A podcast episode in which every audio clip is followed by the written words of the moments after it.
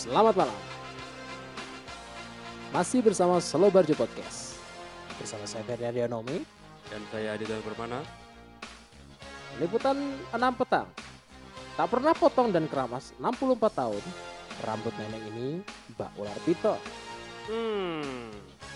64 tahun. Tidak pernah keramas. Nguyen Tidin. Seorang perempuan berusia 83 tahun dari Provinsi Bentry. Dilaporkan telah berhenti memotong rambut sejak dirinya berusia 19 tahun. Alhasil, kini mahkota kepalanya itu menyerupai ular piton dengan panjang 6 kaki atau sekitar 1,8 meter. Luar biasa. Luar biasa. Itu Hmm. kalau potong nggak pakai gunting lagi, pakai gunting rumput itu kayak. Sepertinya. Dilaporkan dari TV6 News yang dikutip Kamis 23 Juli 2020. Nguyen juga tidak pernah mencuci rambutnya selama 60 tahun. Yuk, sepertinya akan memakai sampo sebesar 2 liter. Ya, Kisah Nguyen terkuak satu minggu setelah seorang kakek bernama Dodapa Pailah di India jadi viral gara-gara memiliki rambut dengan panjang 7,3 meter. Ini lebih panjang lah.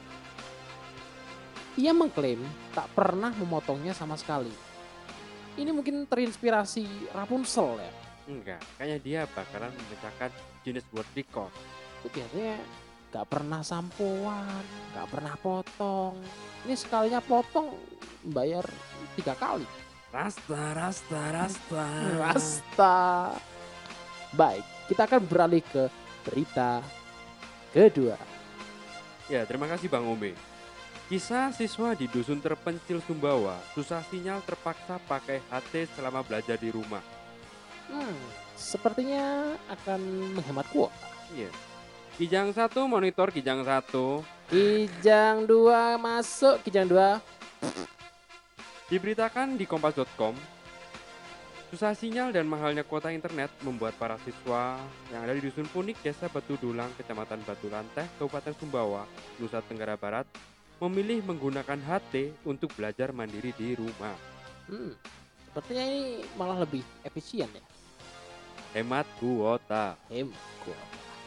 Dosen FKIP Universitas Samawa, Rusdianto AR mengatakan sebelum menggunakan HT, guru-guru di SDN Punik dan SMP 1 Atap Dusun Punik memberikan pembelajaran dengan sistem kunjung, yaitu dengan mengunjungi para siswa di rumah. Pembelajaran dengan menggunakan sistem daring seperti kota-kota besar sulit dilakukan karena Dusun Punik merupakan salah satu daerah terpencil di Kabupaten Sumbawa. Hmm, sepertinya memang salah satu solusi. Benar-benar eh, solusi yang cemerlang. Baiklah, demikian dari Slow Barjo News edisi kali ini. Sampai jumpa di Slow Barjo News berikutnya.